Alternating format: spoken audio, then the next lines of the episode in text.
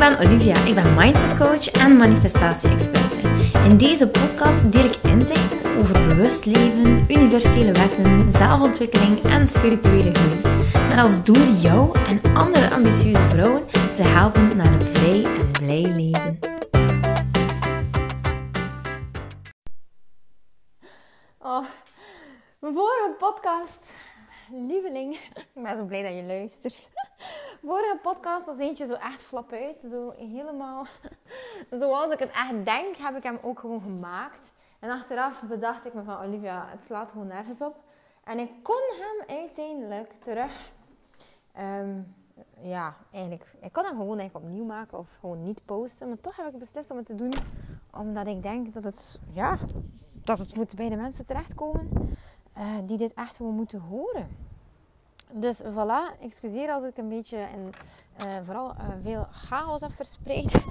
Want ik ging zo van hier naar daar en na, na, na. Maar kijk, oh, het is vandaag prachtig weer, maar er is opnieuw heel veel wind. Ik hou niet van veel wind. het mag nog 40 graden zijn, maar goed. Oké, het is wat het is. Dus ik probeer een beetje mijn podcast op te nemen. En ik doe dat vooral nu buiten. Ik doe dat heel graag terwijl ik wandel. Ik weet het, het is totaal niet perfect. Maar dat hoeft helemaal ook niet. En ik heb nog nooit zoveel uh, positieve reacties gehad op mijn podcast als de laatste twee, drie maanden, jong. Echt. Oh, ik ben zo blij. En uh, ik heb ook een hele dag gecoacht. Ik heb deze ochtend uh, de Mindset Unlocked entrepreneurs in feite gecoacht. En um, ja, in de Abundance, de Soulpreneur, de Soulpreneur Membership. En dan heb ik ook nog een keer een live sessie gegeven en de ja, Abundant, de Magnetic Abundant uh, membership. Dat was ook super tof. Die mensen echt gaan eigenlijk helemaal aan op wat ik te vertellen heb. En ik vind het zo leuk om te zien. Want dan pas ga je gewoon manifesteren. Hè, als je energie gewoon hoog is. Dus dat is gewoon echt zo, zo leuk om te zien. En dan sprak ik net nog een advocaat die helemaal van plan is om van carrière te shiften. En ik snap het helemaal, omdat ze ja, voelt ook van wauw, ik moet eigenlijk echt superveel werken. Er zijn heel veel deadlines. En ik heb het gevoel dat ik weinig nog goed kan doen. Mijn zin verwacht veel van mij. Um, en dan natuurlijk komt dat er dan ook nog bij in dat ik dat mijn job, mijn job is ook echt uh, iets wat veel energie vraagt. En oh, ja, ze had uiteindelijk nog 50% vervulling dat ze voelde in haar job. En dat is wel heel laag. dus de vraag aan jou, nu ook een keer van, als je zo mogen een uh, soort cijfer erop zetten van in hoeverre voel je, voel je nog vervulling in je job? Als nul helemaal geen vervulling is en je sterft op je job. Um, ja, en 100% is van yes, je bent echt gewoon woo, living the life terwijl dat je aan het uh, werken bent. Wel, welk percentage zou jij daar dan op geven? Ik ben echt super, super benieuwd. Want het is toch zo belangrijk. Hè? We doen het ook het meeste van de tijd. En het is zo nodig, als je job niet oké is, als dat niet in alignment is met wie je bent, dan uh, eigenlijk bloed jij dood en bloedt eigenlijk heel je gezin dood en je relatie dood. En uh, wat is de joie de vivre dan eigenlijk nog, hè? Oké. Ik wil het eigenlijk vandaag in de podcast hebben over um, iets dat ik eigenlijk helemaal niet weet hoe dat te benoemen. Maar ik moet eerlijk zeggen, sinds corona, en dat is uh, al een tijd, Sinds corona ben ik eigenlijk echt heel uh, wat meer nog gaan staan voor uh, waar ik in geloof. En waarom natuurlijk? Ja, omdat er ook veel meer helder uh, geworden is voor mij. Um, om eigenlijk echt te gaan zien van waar geloof ik nu eigenlijk in? Waarvoor kies ik nu? En wat, ja, wat wil ik nu eigenlijk in dit leven? En ja, je hebt altijd wel een bepaalde mening over iets en je probeert, nee, zelfs over corona en, uh, en ja, alles wat er daar rond gebeurd is, um, probeer je um, ja, goede beslissingen te maken. En dan merk je ook gewoon dat niet alles wat je beslist, dat iedereen daar helemaal warm van wordt. En nu gisterenavond, ik lag eigenlijk in mijn bed en mijn, mijn partner was de laatste tijd zeg ik altijd maar een vriend. Mijn vriend, mijn lief. Hmm, dat is dus iets waar ik mee aan de slag mag, hè mensen. Want als je een lief of een vriend zegt tegen je man, dan, uh, dan moet je daar echt een keer naartoe gaan kijken, wat er daarachter zit. Dan ga ik een keer uh, gaan bekijken. Dus ik was eigenlijk, inderdaad, ik had zo een gevoel van, ik moet een keer kijken naar de relaties rond mij. Um, en dan ben ik eigenlijk gaan kijken van, goh, wat heb ik eigenlijk nodig? Wat heb ik eigenlijk nodig om nu al zo een beetje meer te voelen dat ik goed omringd ben? Want ik ben heel goed omringd, maar ik voelde het eigenlijk niet. En uh, uiteindelijk kwam ik erop uit dat ik eigenlijk de band met mijn ouders enorm mis. Nu, ze zijn er, they're alive and kicking. Alleen ja, zien we elkaar wel heel weinig. En heb ik toch een soort van muurtje om me heen gebouwd. En dat was eigenlijk mijn inzicht die ik uh, gisteren had, terwijl ik eigenlijk lag te mediteren. Oh, en ik begon eigenlijk echt te huilen, omdat ik dacht... Hé, hey, maar wacht eens even. Ik heb eigenlijk gewoon een muurtje om me heen gebouwd. Hierdoor ben ik eigenlijk mezelf een beetje gaan beschermen. Omdat ik voelde dat mijn papa en mijn ouders en eigenlijk Hans, mijn familie, niet echt dezelfde visie heeft als ik. Dus ik voel me daar eigenlijk wel een beetje eenzaam in. Um, hoewel, ja, ik voel me niet echt alleen, omdat ik weet, ik ben ook wel goed omringd door mensen die dezelfde visie hebben. Alleen voel ik me een beetje buitenbeentje van de familie daarin. En wat was, ja, wat, wat, wat doe je natuurlijk als je een buitenbeentje wordt van je eigen gezin? Dan wil je jezelf beschermen. En ik had eigenlijk het idee van, goh, ik ben er eigenlijk wel oké mee dat zij daar anders over denken. En, en ja, ik snap dat eigenlijk ook. Ik snap hun visie ook wel. Hè? Dus ik heb daar super veel begrip voor. En wat dat ik eigenlijk ben beginnen doen, is um, mezelf een beetje beginnen afzonderen van hen. En dat zorgt er natuurlijk voor ja, dat je niet je ouders zo vaak gaat opzoeken dikwijls. En dat je veel minder bij hen gaat vertoeven. Terwijl ik vroeger dan... Ja, ik had daar mijn praktijk. Ik was daar elke dag. En dan... Uiteindelijk is dat heel abrupt dan door corona gestopt. Ben ik alles online beginnen doen. Maar dat zorgt er natuurlijk wel voor dat ik minder, minder zie. En, en dat ik uh, zo die verbinding minder voel. Wat ik eigenlijk gedaan heb tijdens corona. Omdat ik um, mezelf wilde beschermen. En ik ben het eigenlijk nu een beetje aan het ontleden, omdat ik het mezelf nog niet helemaal helder heb voor mezelf. Ik ben mezelf um, gaan beschermen, maar in feite was ik uh, nogal defensief. En daarom had ik ook het gevoel van, ik mag hier staan voor mijn mening. Ik, ik, uh, dit is helemaal correct wat ik voel en waarvoor ik sta. En ik mag dit um, echt gaan, gaan, ja, ik mag daarvoor staan. Niet dat ik daar continu over praten, helemaal niet. Maar het is, het, de, er veranderde iets in de energie. En ik voelde me uh, minder geaccepteerd. Ik voelde me niet meer 100% geaccepteerd. En ja, dat is ook gewoon impact dat die, die visie die ik heb uh, over corona en over de maatschappij. Um, als ik dat zo in percentage uitdrukken, dan is dat toch wel iets heel sterk. Dat is een hele sterke waarheid voor mij. En dat is, pakt ongeveer een 2% van wie ik ben en waar ik voor sta. Hè. Zo voelt dat op dit moment. Dus dat is 2%.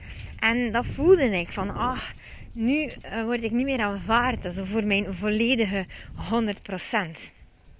En je kunt nu wel zeggen, ja, Liva, je mag voor 2% niet aanvaard worden. dan is dat nog oké.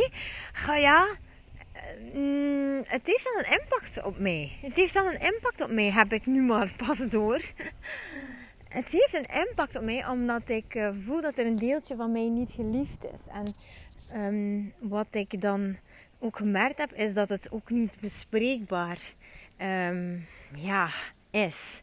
Of als het dan bespreekbaar is, dan komt er al snel um, ja, een beetje defensief gedrag natuurlijk. We bevriezen of, of ik merk in, in onze zin dat er dan gevlucht wordt. Of ja, dat er zo rap, rap gezegd wordt van ja, we kunnen niet over praten. Ja, we kunnen niet over praten. Ja, we zijn erover aan het praten. Oké, en nu gisteren uh, dacht ik van, goh, hey, wat is er eigenlijk veranderd in die periode? Ja, uiteraard corona. En oké, ik, ik, heb me ergens ook defensief een beetje opgesteld, omdat ik dat, dat is echt een deel van mij. Ik, ben wel... Uh, ik ben niet opstandig, maar ik sta echt wel voor mijn waarheid. Daarvan ben ik uh, heel, heel sterk. Daar sta ik ook echt heel sterk in mijn schoenen. En ik denk dat ik zelf me toch een beetje bescherm in de zin van, weet je, als je me niet voor 100% aanvaardt, dan wil ik misschien ook wat minder vaak geconfronteerd worden met jullie. Um, en dan, dan, er is ook een periode geweest, ja, weet je, er was niets anders waar mensen over praten. Het was een en al corona, corona, corona, corona. Mijn zus zei me toch van, Olivia, waarom maak je dat zo moeilijk voor jezelf? Waarom moet je alles zo doordenken? En waarom moet je alles zo doorvoelen? En, en uh, ah, weet je, doe gewoon zoals iedereen. en ik, maar ik zei, dat, dat kan ik niet. Dat kan ik niet. Nu, je hebt vast al een idee waarover het gaat. Gevaccineerd of niet. Um, en uh, het ding is dat ik niet echt tegen vaccins ben. Het is gewoon eerder zoiets van... Goh, um, ik, ik wil gewoon... Uh, alles weten. Dat is een vrij ambetant karaktertrekje van mij, maar ook wel heel nuttig natuurlijk. Ik wil alles, alles, alles, alles weten om een goede beslissing te kunnen maken. Dus je kunt wel gaan voorstellen hoe lang ik twijfel over dingen. Hè? Um, maar ik wil alles weten. Als ik iets koop van kledij ook, dan wil ik alles eerst zien en dan ga ik een beslissing maken. Schoenen ook. Ik wil alles schoenen zien en dan pak ik, uh, maak ik een keuze. Dus dat is gewoon iets, ja, typisch aan mij. En ja, gisteren kwam dan dat mooie inzicht eigenlijk van... Goh, is dat eigenlijk wel nodig? Moet ik eigenlijk wel die afstand gaan bewaken? En kijk, dat duurt nu eigenlijk al zo lang. Toen was de impact ook gewoon enorm, enorm voelbaar. Dat ik dacht van, goh, ik mis mijn papaatje. eigenlijk vooral mijn papa. Omdat ik dat dan eigenlijk echt zo voelde, vooral van zijn kant. En ja, kijk, ik moest er echt bij huilen. En voilà. Ik ben dus vanmorgen gegaan en ik heb gezegd, papatje, ik heb jou zo, zo, zo hard gemist. En waarschijnlijk om het helemaal opgelost te krijgen, ga ik dit wel nog een keer moeten verwoorden. Maar ja, toen was de familie er vanmorgen. Dus ik dacht, ja, ik ga daar nu niet over beginnen. Er is te weinig tijd en te weinig ruimte. Maar um, ik ga dat zeker nog uh, zeggen. Ik ga zeker nog zeggen van papa, hey, uh, ondanks de meningsverschillen uh, mag onze band weer wat sterker worden en gaan we er gewoon voor. Ja, hij en ik. Um, ja, mijn papa en ik hebben wel een goede band. Uh, tot op zekere hoogte. omdat hij zoveel bezig is ook met de andere dingen. Hij is zeer ambitieus. Dus hij heeft eigenlijk nog een relatief druk leven. En ik denk, ja, ik ga echt wel meer, meer, meer, meer bij mijn mamatje en mijn papatje gaan vertoeven. En wat dat er ook gezegd geweest is, of wat dat er ook gebeurd is. Ga ja, dat gaat misschien wel nog een keer de kop opsteken hoor. Maar weet je, dat mag mij niet tegenhouden om nu nog echt ja, te genieten van hen. Ze zijn ondertussen ook al 72 en 73 jaar. Dus uh, ik moet daar echt gewoon de vluchten van plukken. Maar misschien is het gewoon herkenbaar voor jou. Misschien voel je ook soms dat je buitenbeentje bent. Misschien is het zo dat je ook misschien voelt dat je niet altijd dezelfde ja, mening hebt of een, uh, dezelfde visie hebt. En, en hoe kan je dan uiteindelijk daar dan rust in vinden? Ik denk gewoon door één, ja, je de vraag te stellen van in hoeverre uh, ben ik echt blij met um, de relatie die nu is en um, in hoeverre kan ik mijn band nog versterken en ja, nog, nog straffer, gaat dit mij gelukkig maken? Gaat de band die ik met die persoon kan versterken, gaat dat uh, ja, mij gelukkiger maken. Ik daar meer energie van halen. Heb ik dat eigenlijk gemist? Dat. En dan weet je gewoon ook van oké, het is de moeite of het is niet de moeite. En um, ja, dat eigenlijk. Liefde overwint. Liefde overwint alles. Maar kijk, het heeft toch ook zijn tijd nodig gehad. Hè?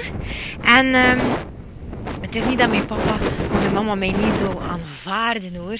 Op die manier. Het is gewoon ik die haar en hem de kans niet gegeven heeft eigenlijk om ervoor te zorgen dat ze mij ergens zouden afstoten uit de roedel. Gewoon, uh, ja, daardoor. Dus uh, voilà, kijk. Ah, lieveling, ik hoop dat je er iets van hebt opgestoken. Of dat je tot inzichten bent gekomen. En misschien heb je ook wel een relatie die wat meer energie kan uh, gebruiken. Meer investeren van tijd. En misschien ook niet. misschien is het nu gewoon super duidelijk. Oh, zoveel wind. Misschien is het nu gewoon super, super duidelijk dat je vooral niet moet investeren in een relatie. Oké. Ik wens je nog een super fijne dag. Doei! Lieveling, dankjewel dat je luistert. Ik ben blij dat je erbij was. Mag ik je alsjeblieft vragen in ruil voor deze gratis content mij wat sterkes te geven op Spotify of op iTunes? Of stuur je bevindingen door per DM op Instagram. Zo help je mij om andere vrouwen te helpen om hun weg te vinden naar het vrij en blij leven. Ik hoop dat je er de volgende podcast weer bij bent. Ik ben je eeuwig dankbaar. Tot dan. Dikke kus.